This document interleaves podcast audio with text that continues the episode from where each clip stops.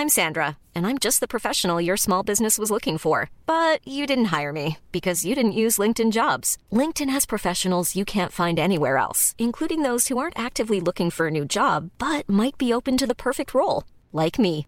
In a given month, over 70% of LinkedIn users don't visit other leading job sites. So if you're not looking on LinkedIn, you'll miss out on great candidates like Sandra. Start hiring professionals like a professional. Post your free job on linkedin.com/people today. Burrow is a furniture company known for timeless design and thoughtful construction and free shipping, and that extends to their outdoor collection. Their outdoor furniture is built to withstand the elements, featuring rust-proof stainless steel hardware, weather-ready teak, and quick-dry foam cushions. For Memorial Day, get 15% off your Burrow purchase at burrow.com slash ACAST and up to 25% off outdoor. That's up to 25% off outdoor furniture at burrow.com slash ACAST. Velkommen til eh, Tut og mediekjør, podkastserien eh, for deg som lurer litt på hvordan journalistikken blir til. Og eh, du hører nå på en sommerspesialsending sammen med Eva Sandum. Og Svein Tore Bergestuen. velkommen til alle oss. Og jeg heter Christian Lyder Marstrander. Skal vi gå på første sak? Ja. Det er VG som hadde en veldig forseggjort eh, videosak om eh, Øyvind som tok livet sitt. Og i den saken så setter da VG søkelys på at i 2018 så tok 674 personer livet sitt i Norge. Og en av dem var da Øyvind. Men så begynte jeg å tenke også sånn at eh, Hvordan forholder pressen egentlig seg til dette med selvmord? For hvordan skal det omtales? Fordi jeg har jo ofte lest saker hvor hvor det plutselig blir helt stille. Etter Man har på en måte laget en sånn opps, oppsak som sier sånn 'Forsvunnet uh, der og der'. Men så blir saken stille. Og da tenker jeg jo med en gang OK, da var det selvmord. Og så blir det helt stille. Men så er det i andre situasjoner, som denne, da, så, så er det jo veldig sånn åpen. Her er det selvmord. Uh, og da skriver pressen veldig utfyllende om det. Eh, så jeg bare lurer på Er det noen regler som pressen må forholde seg til? Og hvordan vurderes dette her i en redaksjon? Hvem vil nå svare først? For jeg klarer ikke helt å se Ja, det. jeg, Eva? kan, jeg kan i hvert fall starte med å si at eh, her, så, her tror jeg pressen står overfor et av sine vanskeligste dilemmaer. Altså tematikken selvmord. For at her må de alltid vekte liksom, allmennhetens rett til informasjon og belysning av et veldig stort samfunnsproblem, som du sier, mot skjerming av pårørende og ikke minst risikoen for smitteeffekt i selvmord. Eh, og det jeg vet, er at dette tar pressen på største alvor. Eh, Det har jo vært en endring her. Du spør om regler, og det kan Eva redegjøre litt for. For dette er jo endringer i Hva varsom-plakaten som skjedde midt på 90-tallet. Men, men da vi skulle snakke om denne saken, som det er veldig vanskelig å snakke om. Fordi man må være så bevisst når man snakker om disse tingene. Um, fordi eh, vi vet jo at av de som hører på nå, så er det mange som har opplevd, eh, som kanskje er etterlatte, som har venner som har tatt livet sitt. Men dette med pressen og selvmord utrolig interessant. Og når vi er inne på dette, eh, ja, det er mye forskning som viser at det kan ha en smitteeffekt. Um, i, på midten av 90-tallet, da dette ble endret i pressen, så sa professor i selvmordsforskning Lars Melum han sa til Aftenposten at hvis aviser begynner å skrive om selvmord på T-banen, så kan vi faktisk få en epidemi av slike selvmord, sier han. Mm. men smitteeffekten kan unngås ved å ikke omtale enkelttilfeller av selvmord i detalj, eh, og ikke minst hvordan handlingen er utført. Så det å belyse selvmord som et samfunnsproblem Altså det er 600, eller sånn ca. 600 mennesker som tar livet sitt eh, 674 i 2018. ja, nettopp. Ehm, så det er et kjempeproblem. Det kan man jo belyse uten å gå inn på enkelttilfeller og belyse metode og den type ting, som jo forskningen viser kan ha smitteeffekt. Men bare for å ta det, altså, hva var det som skjedde i nitt- i- på 90-tallet? Hva var reglene før, og hva ble endringene? Ja, dette var ikke på 90-tallet. Det kom en endring etter det òg, i 2005. Ja, Jeg mente 2005. Ja. Ja. Før så var det uh, et råd i presseetikken om å ikke omtale selvmord i det hele tatt, egentlig. Ja, ok. Ja. Det, Og det altså- var da, da hadde man basert seg på forskning, kanskje, altså det, den smitteeffekten. Selvmord eller selvmordsforsøk skal som hovedregel, hovedregel ikke omtales, het da. Men så gjorde de om etter en utredning eh, hvor eh, den samme regelen liksom gjelder stort sett, men der er formuleringen mer sånn 'vær varsom' med omtalen. Og så er det litt spesifisert 'unngå omtale som ikke er nødvendig for å oppfylle allmenne informasjonsbehov', og unngå beskrivelse av metode. Eh, eller andre forhold som kan bidra til å utløse flere selvmordshandlinger, som er litt sånn vag, egentlig, Ja, da, for det er litt vanskelig å vite for en journalist. Men, um, men unngå beskrivelse av metode, det er det mye forskning som uh, underbygger. da. Fordi at Der har jeg sittet også i Pressens faglige utvalg og behandlet noen saker hvor det er et klassisk dilemma. hvor uh, en avis skal omtale et selvmord som har foregått på en institusjon, f.eks. Psykiatrisk institusjon. Eh, og det er viktig for å belyse et problem. ikke sant? Er ikke folk i god nok uh, varetekt når de er på en institusjon, f.eks.? Når de klarer å ta sitt eget liv der? Og så må det belyses. Men hvis man da f.eks. beskriver hvordan det hender, så kan det ha en smitteeffekt på lesere som er i psykisk ubalanse. Fordi man, får, man blir rett og slett litt inspirert, da, hvis man skal si det litt enkelt. ikke sant? Millions of people have lost weight with personalized plans from Noom, like Evan, who can't stand salads and still lost 50 pounds. Salads, generally, for most people, are the easy button, right? For me, that wasn't an option. I never really was a salad guy. That's just not who I am. But Noom worked for me. Get your personalized plan today at Noom.com. Real Noom user compensated to provide their story. In four weeks, the typical Noom user can expect to lose one to two pounds per week. Individual results may vary. It's that time of the year. Your vacation is coming up.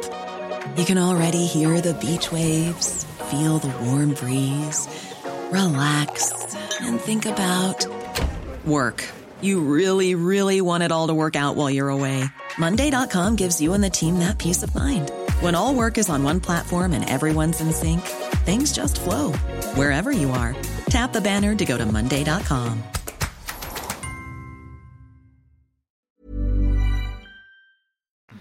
fordi at det er jo vanskelig for oss eh, som ikke nødvendigvis er i denne faresonen, å se for oss. Så jeg tror der må man jo bare høre på forskerne. Det er jo også sånn at eh, eh, det ble mm, laget en dokumentar på 2000-tallet, begynnelsen av 2000-tallet en gang om Golden Gate Bridge, hvor det var ufattelig mange selvmord. Mm, som hoppet fra den kjente brua Ja. i San Francisco. Og eh, den, eh, den eh, Det var jo en dokumentar som Den saken du nevner nå fra, fra VG, Christian, den eh, kan sammenlignes litt. ikke sant? For at her prøver VG Vi kan jo legge ut link til den, da, Ja. så folk kan vurdere selv. Uh, her prøver jo VG virkelig å gjøre den jobben som de har et ansvar for, nemlig sette søkelyset på et viktig problem. Og så gjør de det på en veldig fin måte. Det er en slags dokumentar sant, om han Hva het han? Ørjan? Øyvind. Øyvind. Um, og de snakker med familien, foreldrene, ikke sant? Uh, og, og kamerater, og hva skjedde, og dette var en vanlig gutt, og han fremstår jo så livsglad og sånn. Så jeg synes det, der er det veldig sånn Det er fint gjort, men jeg må også si, når jeg vurderer det sånn ut ifra presseetikk og ting jeg har lest om hvordan reglene i pressen er, så er det ting som også er sånn potensielt vanskelig der. Jeg jo, jeg skal ikke gjøre meg liksom, eh, til dommer over om VG har gjort en god jobb her, men det som eh, fagfolka sier, er unngå glorifisering, f.eks. Eh, og det handler om Av handlingen eller av personen? Uh, først og fremst av handlingen, men det handler litt om sånn hvordan omtaler du et selvmord? Du må unngå å skrive ting som at han lyktes i å ta sitt eget liv, Endelig eller endelig han fikk han slippe. Ja. Han har det bedre nå, antageligvis. Og det er jo helt naturlig at, at folk rundt noen som har hatt det veldig veldig tøft i veldig mange år, og som ender opp med å, å ta livet sitt, at han, han blir jo på samme måte som et annet veldig sykt menneske eh, fri for smerten. Så det er helt naturlig at den type utsagn kommer. Det kom jo også i forbindelse med da Ari Behn eh, tok livet sitt. ikke sant? Og da får vi en, den, den diskusjonen hvordan skal pressen omtale dette? For hvis pressen bare gjengir masse av disse uttalelsene uten at man balanserer det, så vil jo etterlatte inntrykket bli at ja, der fikk, der fikk han fri. Eh, han Ja. lyktes med det, som Eva sier. Og det, og det er jo også ja, mange f- fagfolk som er kritiske Ja, til for at i, eh, i den eh, VG-saken som vi nå snakker om, så ble det jo f.eks. vist i filmen eh, hans avskjedsbrev. Ja. Og det, i, i den settingen som man ser det i her, så fremstår det som en del av historien og sånn, så det er ikke noe sånn at jeg reagerer egentlig så veldig på det, men i eh, veiledningen til Presseforbundet om selvmordssamtale, så står det jo spesifikt at eh, sånne type ting skal man prøve å unngå. Å vise til avskjedsbrev. Man skal også, ikke sant? Det, er en sang der, la merke til, nå husker jeg ikke helt i farta, men det kommer noe sånn eh, musikk bak som er litt sånn eh, endelig Endelig slapp jeg. Flu, flyr fuglen fri og sånn, litt Ja. sånn i bakgrunnen. Mm. Og det er jo på en måte litt sånn, Man må bare passe veldig på ikke sant, når man driver med den type programmer. Men, Men men, det er- hvis, hvis det skulle være så, så Så kunne man jo aldri heller beskrevet det Da ville det blitt veldig teknisk beskrivelse, da. Kjapt. Det er akkurat det. ikke sant? For dette, dette, er jo, dette er jo dramaturgiske grep som de har gjort. Ved musikk, med vise bilder, altså komme tett på Mm. personlige bilder. Gjøre det mest mulig personlig. ja. Så, så det høres jo ut som enten må man, hvis det ikke er lov, så, så, så må man jo bare innse at da blir det en dårlig historie, for å være så kynisk, da. Men det står jo også i denne, denne veilederen da, til, mm. til pressen at man ikke skal omtale det som vi snakker om, metode. Eh, og Derfor så var det mange som ble overraska. jeg tror det var i, eh, ja, for to år siden. Så, så ble TV 2-programmet Åsted Norge klagd inn. Eh, til PFU fordi de viste bl.a. en gjenstand som hadde blitt brukt i et selvmordsforsøk i, en, i, i fengsel. Eh, de gikk fri. Og det var mange som var overraska over, fordi at eh, bryter ikke det da med nettopp å beskrive metode og sånn teknisk Dette var liksom gjenstanden som ble brukt, men de gikk fri. Eh, og det tyder jo på at diskusjonen rundt omtale av selvmord, den bare fortsetter. Ja. Og det er klart at den fortsetter i tråd med samfunnet. Og der tenkte jeg det er liksom verdt å nevne at et av de eh, selvmordene som jo i ettertid har blitt veldig godt kjent, men som da det skjedde, ikke ble kjent, det var da sønnen til Gro Harlem Brundtland, som da var statsminister, tok livet sitt helt på begynnelsen av 90-tallet. Ingen skrev om det. Det vil si, én avis omtalte det. Eh, det var den derre Søndag Søndag-avisen som ikke finnes lenger. Men alle Men hva skrev de da? Nei, de, omta de sa at det var selvmord. Men ingen Ja. andre ingen, Nei, nei, nei men nei, alle de andre Hva, hva skjedde? Nei, det ble ikke omtalt. Nei, Um, det bare skjedde ikke? Nei, nei, altså, men det har blitt større åpenhet i samfunnet vårt om selvmord. Og i tråd med det så må også pressen få lov til å omtale det med større naturlighet. ikke sant? Fordi det er et såpass stort tema. Det er flere som dør av selvmord enn i trafikkulykker i året. Ja, mange flere. Mange flere. Så, så det er en utvikling som, eh, som pressen også er veldig bevisst på. Jeg må bare si det at jeg syns også det er lagd veldig mye bra. ikke sant? Else Kåss Furuseth hadde en egen eh, programserie på NRK om selvmord, hvor hun snakker med folk. Og det er jo liksom konteksten igjen. ikke sant? Det, det, kan, der kan mye beskrives. Hvis det- konteksten er veldig varsom, på en måte, Mm. og har en, eh, en, et annet oppdrag også, å forklare for folk, så de lærer mer og forstår mer, da. Det så føler det jeg blir noe annet, da. her. Fordi det er jo, en, det er jo som du sier, da har de en, et oppdrag med en større, et større oppdrag. Ja. Men, i, men i nyhetssaker Men ikke sant, så en- innafor redaksjonen til NRK hadde også en eh, programserie eh, om eh, disse gruppene om selvskading og selvmord på Instagram. Og jeg har sett den, og ikke sant Det er vanskelig. vanskelig. For eh, hvis du er utsatt eh, for eh, psykisk lidelse og eventuelle selvmordstanker, så er sånne programmer Det er vanskelig å vurdere som vanlig person Ja, om det kan og ha da en ser man jo smitteeffekt, ofte og i- at man kan bli inspirert. I slutten av sånne programmer så, så kommer det ofte opp uh, informasjon til uh, de som sliter, ikke sant? med hvor, Ja. hvor de skal ringe, hvem de skal snakke med osv.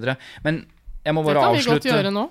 Ja, Ja. det kan vi gjøre. Man kan ringe Mental Helse på 116 123 hvis man trenger noen å snakke med. Og hvis man er eh, etterlatt til selvmord og syns dette var litt vanskelig å høre på, så kan man gå inn på leve.no, som er en Mm. nettside for etterlatte til selvmord.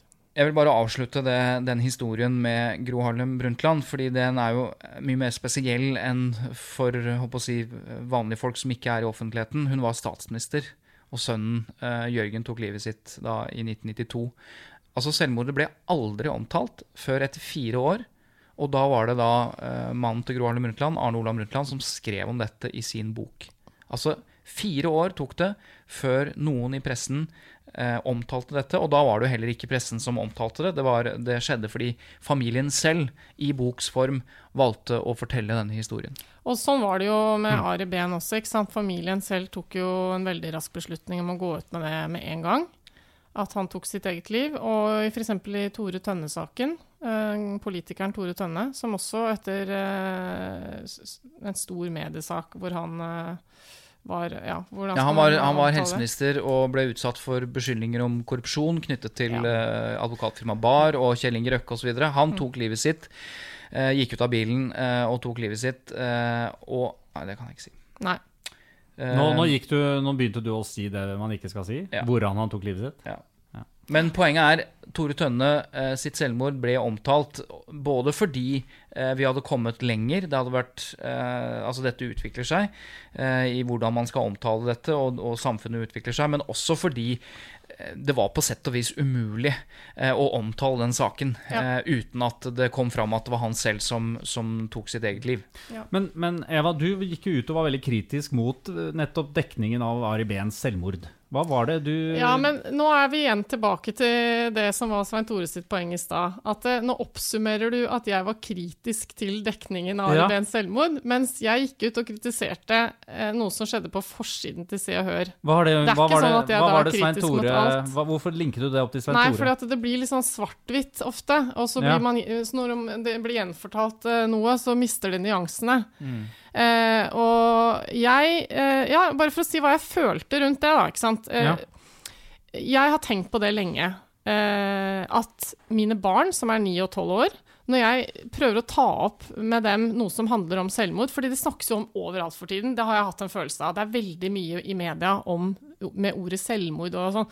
Også overfor barn, ikke sant? og spesielt etter Ari Behns død så ble det jo veldig massivt.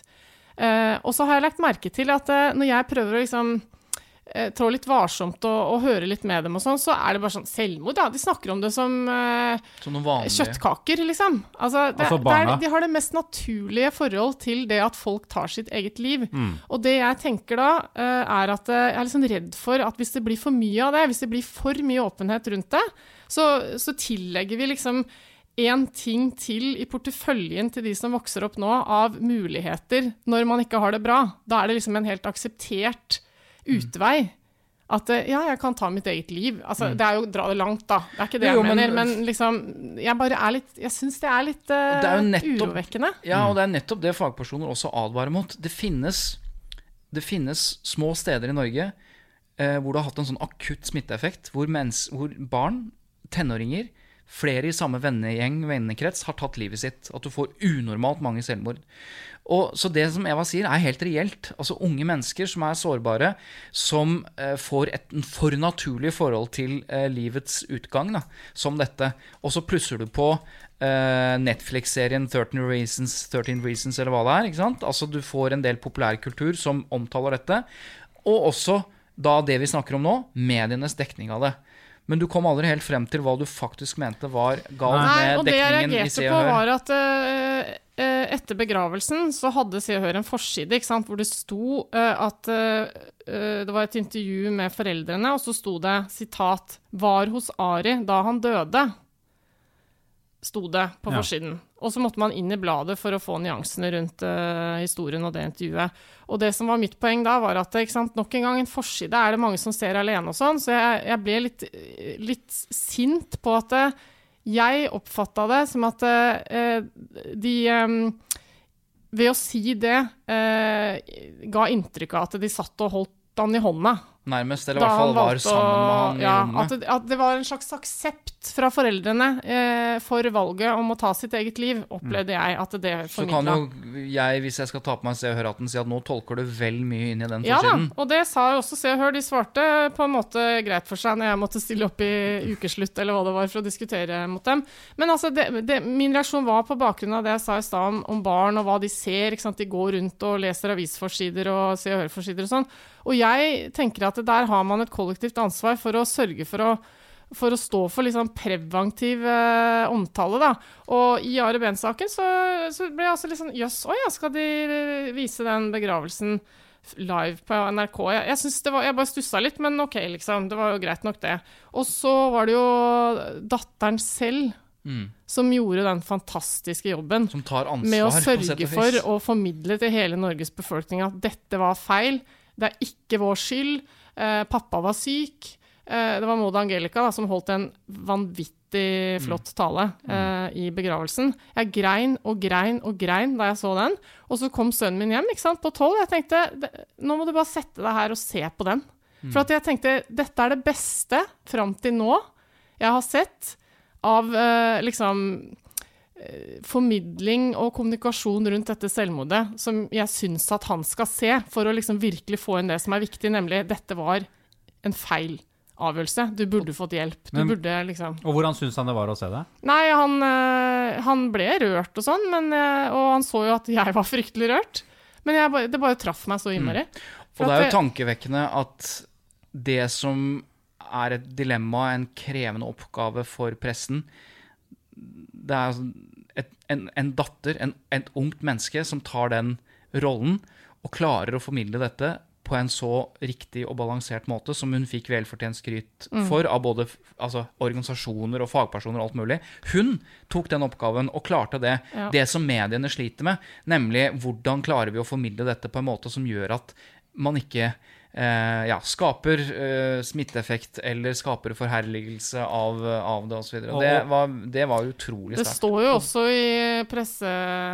Altså i denne veiledningen fra Presseforbundet at eh, man skal være veldig forsiktig med omtale av kjendisselvmord, ikke sant? Eh, og selvfølgelig må man omtale mm. Aris død. Jeg, jeg mener ikke det. Så det er derfor jeg ettersatte deg da. ikke sant? Jeg kritiserte jo ikke omtalen som sådan. Det var Det jo kjempeviktig. Men det er utrolig viktig, og pressen har hatt mye interne diskusjoner om dette òg. Mm. Vi må passe på at ikke vi blir for glorifiserende, og at han blir liksom fremstilt som en Få se for deg, da. At du syns at du har blitt eh, ganske dårlig behandlet i livet og hadde fortjent bedre. Og så ser du hvor opphøyet et menneske som Ari Behn ble i ettertid, eh, i kontrast til hvor mye dritt han fikk Mm. mens han levde, og kritikk og mye sånn. Så altså, det er bare det at vi kan ikke vurdere hva som foregår oppi hodet til et potensielt suicidalt menneske, da. Så jeg tror vi må støtte oss veldig ikke- på fagfolka her. jeg, jeg bare skjønner ikke helt hvordan pressen skal forholde seg til noe sånt. Fordi de kan jo aldri vurdere noe som helst i ethvert hode som leser noe. Alt kan tolkes i feil retning, uansett hva man skriver et sted, når Ja, det skal gjelde for flere enn e- ett menneske. Nei, Det er derfor de har de veile den Ja. veilederen. Ja. Det er derfor de Vi de kan unngå å glorifisere. Så, ok, så for, for å oppsummere, hvordan, skal pressen, hvordan bør pressen takle selvmord og skrive om selvmord? Bare for å oppsummere litt Ja, av det vi har det kan jeg om. gjerne gjøre. Ja. Jeg var klar, jeg. Vær, greit. vær forsiktig med å publisere metode. Ikke glorifiser, eh, glorifiser selvmordet. Unngå formuleringer som ikke sant? han lyktes med å ta sitt eget liv, eller han klarte å fullføre det og sånn. Vellykket selvmord. Eh, vær forsiktig eh, ved omtale av kjendisselvmord. Ikke framstill selvmordet som en mytisk handling som er begått av en sunn og velfungerende person. Eh, fordi at selvmord ofte har sammenheng med psykiske lidelser. Vær varsom med å forenkle bakgrunnen for selvmordet.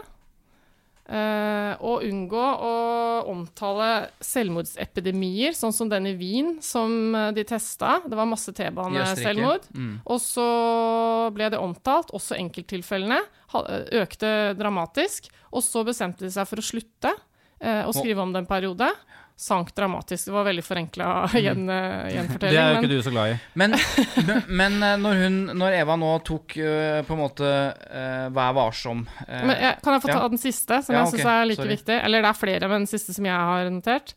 Selvmordsomtale bør være nøktern og ikke sensasjonspreget. Mm. Ikke sant? Og det er vanskelig for hver enkelt medium som prøver å dekke et så, en sånn død, men totaliteten igjen, da, er vanskelig, ikke sant? For det blir så enormt mye. Jeg har en annen Da oppfordring. rekker du opp hånden, Svein Tore. Ja, så en annen oppfordring som ikke handler om det helt riktige varsomhetsreglene som Eva snakker om, det er at jeg vil at pressen skal angripe selvmord som et stort samfunnsproblem, med like stor kraft og interesse og nysgjerrighet som andre store samfunnsproblem som tar livet av 600 mennesker hvert eneste år.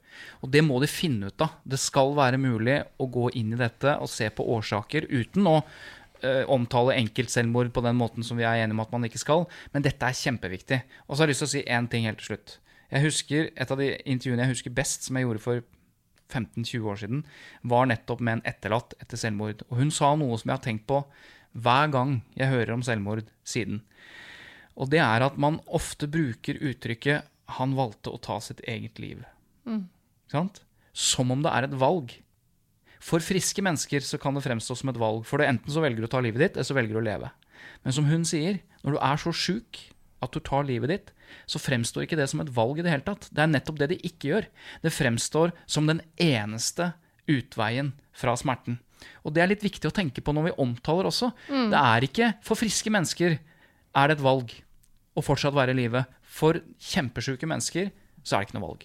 Og Derfor så har det så god effekt når man omtaler folk som har hatt det sånn som du beskriver nå, men fått hjelp og kommet ut av det, eh, og kan beskrive det for andre. Ikke sant? At jeg følte at det var det eneste valget jeg hadde. Mm. Eh, men nå har jeg fått hjelp og har det bra. Det, da blir det, har et reelt valg utrolig bra effekt, da. fortsette å leve. Ja. Ja. Mm. Ok, dere. Dette ble eh, nedpå, tungt, men ja, eh, veldig, veldig spennende. Eh, nå gleder jeg meg til å sette på den der eh, kjenningsmelodien. Den er jo relativt brudd. Vi kan jo Eh, løfte det litt opp med faktisk ukas lyttespørsmål, da. For det Ja! må vi ikke glemme at vi har. Herlighet. Det gjør vi. Ja. Ok, hva er ukens lyttespørsmål? Yes, det kommer da fra Fredrik. Han skriver Når aviser bruker såkalte anonyme kilder, hvem er det som vet hvem som er kilden da? Er det bare journalisten? Og hvis det bare er journalisten, så kan han jo i prinsippet bare dikte opp kilder. Ja. For som dere snakket om, uh, kildevernet er hellig. Det snakket vi om i en annen episode. Og da kan han jo bare henvise til det. Det er kildevern. Mm. Vet vi om det skjer? Det, ja. Jeg, jeg, altså, jeg, jo, jeg har jo brukt anonyme kilder i Baneheia-podkasten. Mhm. Og der, Men du diktet dem ikke opp? Jeg gjorde jo ikke det. Nei, Men kunne du gjort det? Ja, det nei, det, det Nei, ikke det, moralsk sett om du kunne gjort det, men du kunne i prinsippet Ja, ha jeg kunne jo det. Ja da. Jeg, I prinsippet kunne jeg jo det. Altså, Det er et veldig bra spørsmål fra Fredrik. nei, men jeg føler det går sånn skikkelig i hjerteroten på tillit her, da.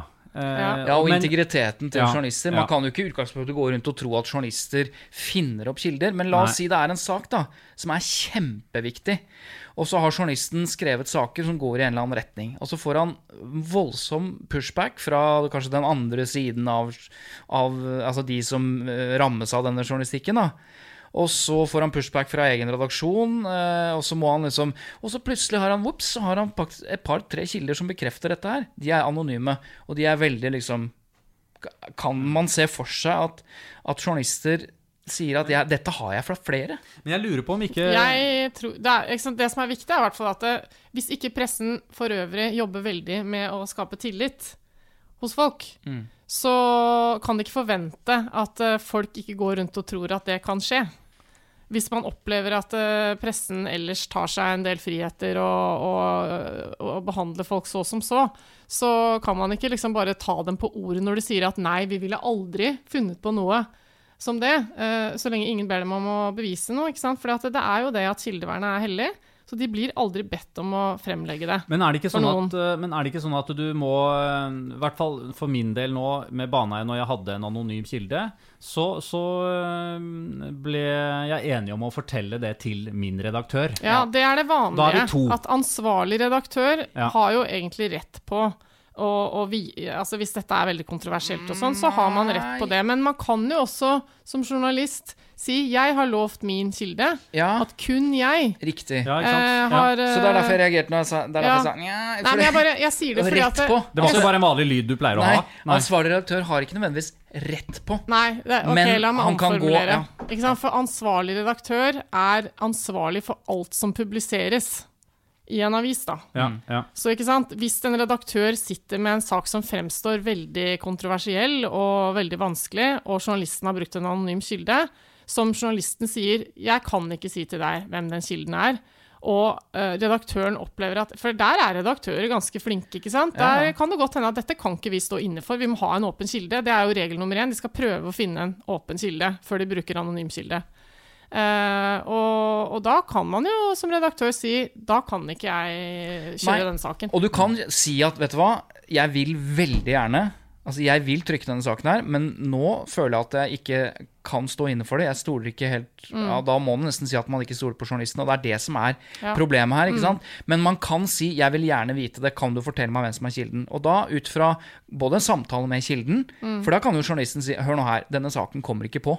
Fordi at eh, redaktøren må vite noe mer. ikke sant? Og da kan man bli enig med kilden at nå deler jeg dette med ansvarlig redaktør eller nyhetsredaktør. Eh, og det skjer eh, altså Når du snakker med journalister, så kan du si at det å dele eh, hvem som er kilden med redaktøren, skjer i halvparten av tilfellene. Både i, i overensstemmelse med kilden, men fordi det er praktisk. Det er sånn man løser dette. Men vi må skille mellom tror jeg, anonyme kilder og hemmelige kilder. For anonyme kilder kan være kilder som bare sier at 'jeg vil ikke ha navnet mitt på trykk', men hele redaksjonen vet hvem det er, eller flere vet hvem det er. Altså, De er ikke hemmelige. De gjør ikke krav på den type kildevern, men de vil ikke ha navnet sitt eh, i saken. Og så er det de la oss kalle det de aller hemmeligste kildene. De som er så redde for eh, dette represalier og alt mulig, at de bare sier at det er bare du. Det er bare du som kan vite hvem jeg er. Ja, men redaktøren min vil Nei, ikke snakk om. Og da vil ikke journalisten oppgi den kilden til redaktøren, samme hva. Men hvordan kan en journalist bruke stoff fra en sånn hemmelig? Man kan jo ikke da skrive noe som helst. Jeg, jeg, har, jeg har erfart, hva, eller hva sier en journalist da? Jo, du Ja. kan bruke opplysninger fra både anonyme og hemmelige kilder, men det er igjen noen hemmelige kilder bruker, jo, bruker du opplysninger for å bygge saken din, for å kunne forstå saken eller for å skrive om saken. Andre ganger så siterer du anonyme kilder. Men det er klart at hele utgangspunktet her er at journalister skal ha, som Vær varsom-plakaten, de skal ha kildekritikk, et bredt kildetilfang, og de skal kontrollere faktaopplysningene. Det betyr jo bl.a. at en hemmelig kilde kan sette deg på sporet av noe, kan gi deg informasjon som er ekstremt viktig.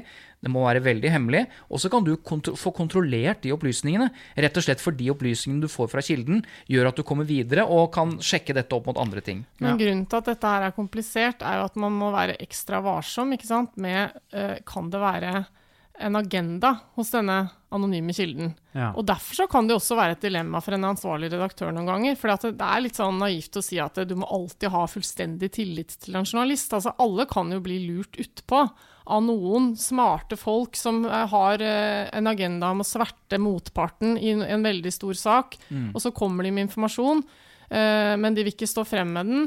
Og så må jo ofte flere i redaksjonen være med å vurdere, for de kjenner sakskomplekset, alle involverte. ikke sant? Så det, dette her er superkomplisert. La oss oppsummere svaret til Fredrik, da, for nå Ja. er han sikkert helt forvirret. Eh, Ja. altså, hovedspørsmålet er jo er det bare journalisten som vet hvem det er? Ja, i mange tilfeller er det bare journalisten, men ofte er det også redaktøren. Og så snakker han om vet vi om de kan dikte opp kilder? Ja, I prinsippet så kan jo både journalister og redaktører og andre Teorien kan de det. kan jo både de begå eh, brudd på Vær varsom-plakaten og Ja, ja, dikte ja. opp, og de kan gjøre straffbare Alt handlinger. er lov. Men vi må jo ta utgangspunkt i at det gjør de ikke. Nei. For det bygger jo nettopp på tillit. Det var eh, Lurer jeg på om uh, Fredrik ble noe klokere?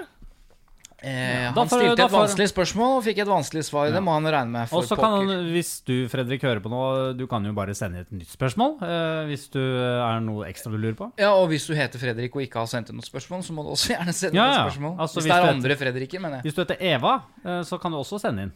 Og da kan du sende inn til tut, krøllalfa, lyderproduksjoner.no. Eller så kan du skrive på Facebook-siden vår. Eva, du har litt ansvar for den. Tut og mediekjør. Kjempebra ansvar. Eh, det var eh, siste ord i denne sommerspesialen eh, av Tut og mediekjør. Eh, Eva Sandum, Svein Tore Bergestuen og jeg, Christian Lydmer Stande, vi er tilbake neste lørdag, ikke sant? Og i mellomtiden så håper vi du koser deg. Ja, vi skal ha det. Kan du ikke det, da? Kos deg. Ja. Ja, Eller opp oppe i fjellet. ja du, er fjell, du du er en fjellgeit, Eva. Jeg er litt fjellgeit. Ja. Og. Svein Tore, er du I denne Vann. sommeren er bare hjemme. Bare hjemme, ja? Mm. ja. Eh, jeg er en vannmann. Så bare, hvis du bare lurer Jeg er begge deler, jeg, fått da, spørsmål. for bading er jo veldig gøy. Ja, du liker bading. Ja. Du, eh, vi høres om en uke. Da kommer det et nytt eh, lytterspørsmål. Eh, så eh, følg med, og tusen takk for at du hører på. Eh, og gå inn på Tute og Mediekjør eh, og lik Facebook-siden vår. Ellers så kan du like å dele denne podkastserien videre til noen du kjenner som du liker godt. Ha det. Ha det. Ha det.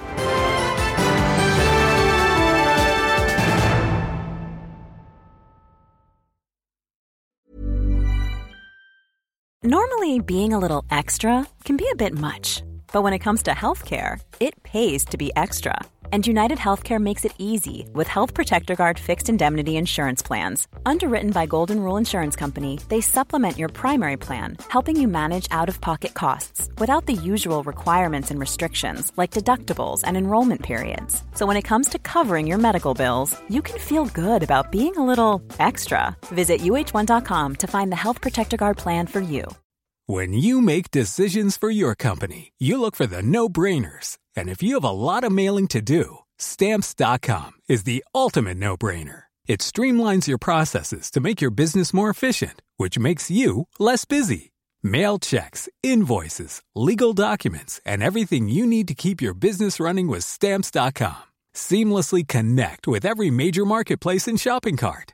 Schedule package pickups and see your cheapest and fastest shipping options from different carriers with rates up to 89% off USPS and UPS rates. And with the stamps.com mobile app, you can take care of mailing and shipping wherever you are. Make the same no-brainer decision as over 1 million other businesses with stamps.com. Sign up with code program for a 4-week trial plus free postage and a free digital scale. No long-term commitments or contracts. That's stamps.com. Code program.